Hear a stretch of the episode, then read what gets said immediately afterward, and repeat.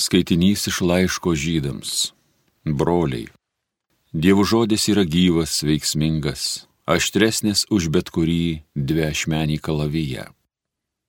Jis prasiskverbia iki sielos ir dvasios atšakos, iki sanarių ir kaulų smegenų ir teisė širdies sumanimus bei mintis.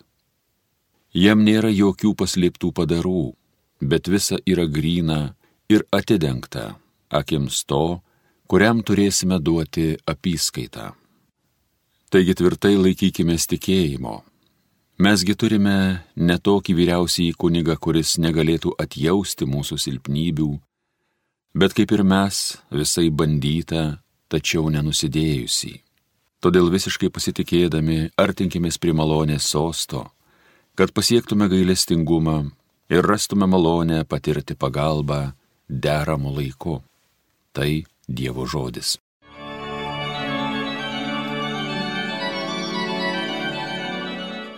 Viešpatie, tavo žodžiai yra dvasia ir gyvenimas. Tobulas viešpaties duotas teisynas, jis dvasia gaivina.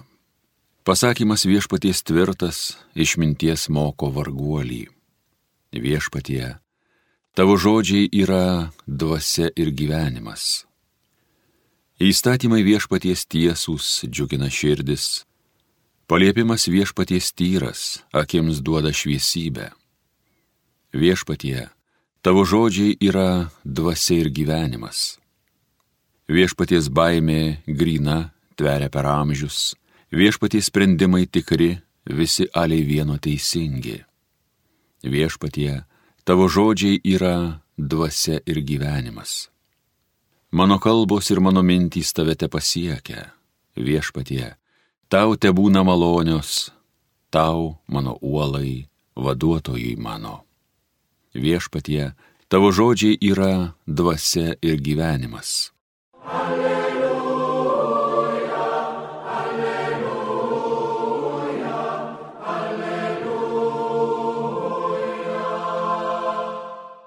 Viešpats mane pasiuntė nešti gerosios naujienos vargdienėms, skelbti belaisviams išvadavimo. Alleluja, alleluja, alleluja. Iš Evangelijos pagal Morku. Jėzus vėl nuėjo į pažiūrę. Ištisa minė rinkosi prie jo, o jis juos mokė. Praeidamas jis pamatė Levi, Alfėjaus sūnų, sėdinti muitinėje ir tarė jam, sek paskui mane. Šis atsikėlė ir nuėjo su juo. Jėzus Levio namuose buvo pasodintas prie vaišių stalo ir muitininkai bei nusidėjėliai vaišinosi kartu su Jėzumi ir jo mokiniais, nes daug buvo tokių, kurie sekė paskui jį. Rašto aiškintojai iš fariziejų tarpo išvykę jį valgantį su nusidėjėliais ir muitininkais, prikišo mokiniams. Kodėl jis valgo su muitininkais ir nusidėjėliais? Tai išgirdęs Jėzus atsiliepė. Nesveikiesiems reikia gydytojo, bet ligonėms. Aš atėjau neteisiųjų šaukti, o nusidėjėlių.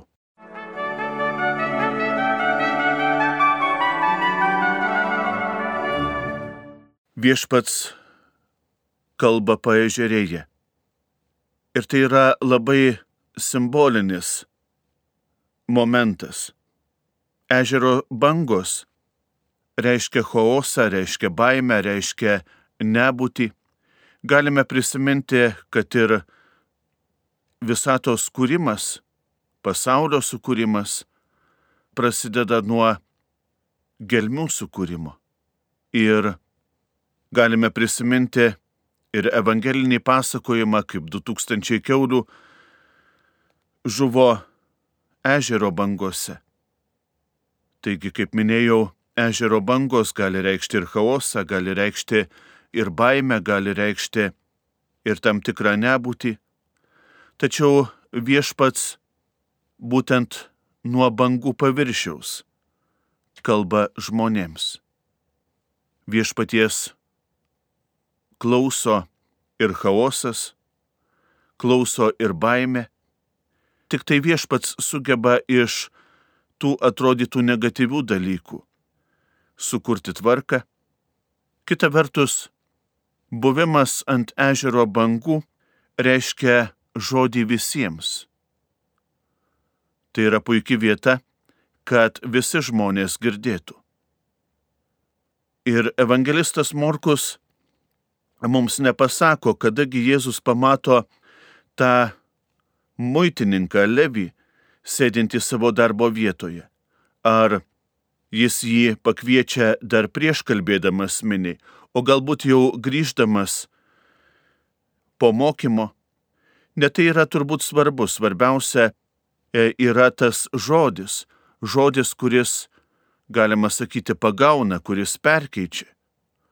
Atrodytų, Jėzus pasako patį paprasčiausią ir patį banaliausią sakinį, sek paskui mane. Ir galime įsivaizduoti, kaip iš tiesų kardinaliai šis sakinys pakeitė žmogaus gyvenimą. Pakeitė, nes Levis išgirdo, išgirdo viešpaties balsą, išgirdo viešpaties kvietimą. Tam tikrą prasme Levis, ryždamasis gyvenimo pokyčiams, pripažįsta, kad tik tai Dievas gali pakeisti tą atrodytų negatyvę situaciją, kurioje jis, e, jis buvo. Ir kaip svarbu, brangus broliai ir seserys, mėly Marijos radio klausytojai, prisipažinti, kad man reikia pagalbos, kad aš sergu. Tai yra pirmasis gyjimo rodiklis. Ir kaip iš istorijos žinome, Levis ne tik tai ima sekti viešpati Jėzų, bet jis ir pasikviečia, keičia savo gyvenimą, iš muitininko tampa viešpaties sekėjų mokiniu net ir Evangelijos autoriumi.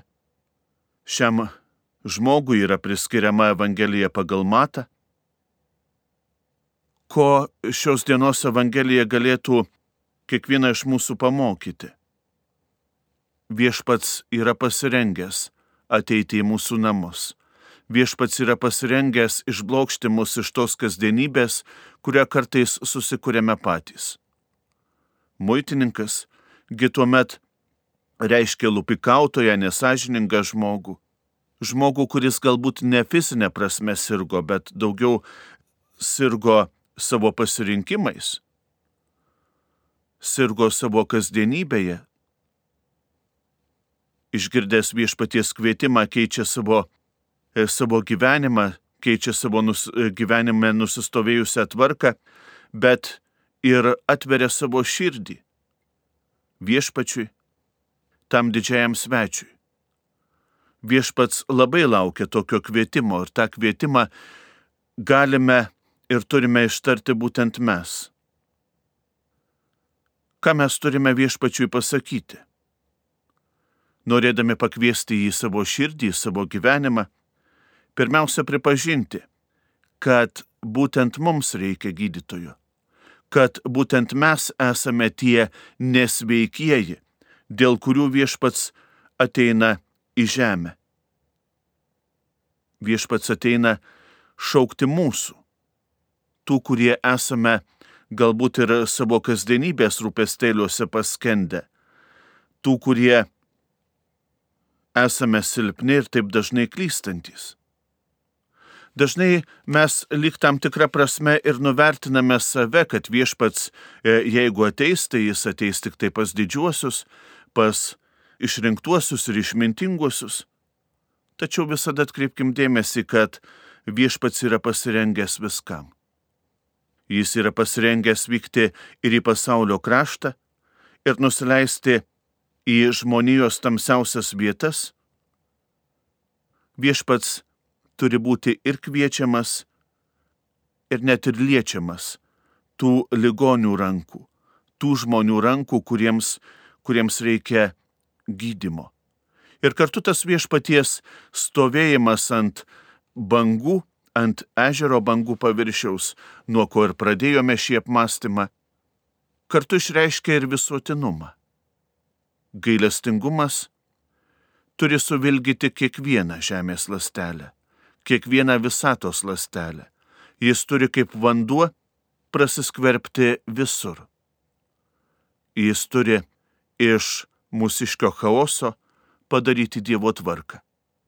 Ir tai yra visiškai įmanoma, kai iš tiesų ir mes, kaip ir tas muitininkas, išgirstame tylų galbūt viešpaties kvietimą. Sek paskui mane. Sek paskui mane visur, kur tik tai gyvensi, visose savo gyvenimo aplinkybėse, kurias patirsi, visose galbūt ir savo pareigose, kurias tau reikia šiame gyvenime atlikti. Nieko nėra prasmingiau ir didingiau nei sekti viešpatį. Viešpats šiam iššūkiui ir kviečia kiekvieną iš mūsų.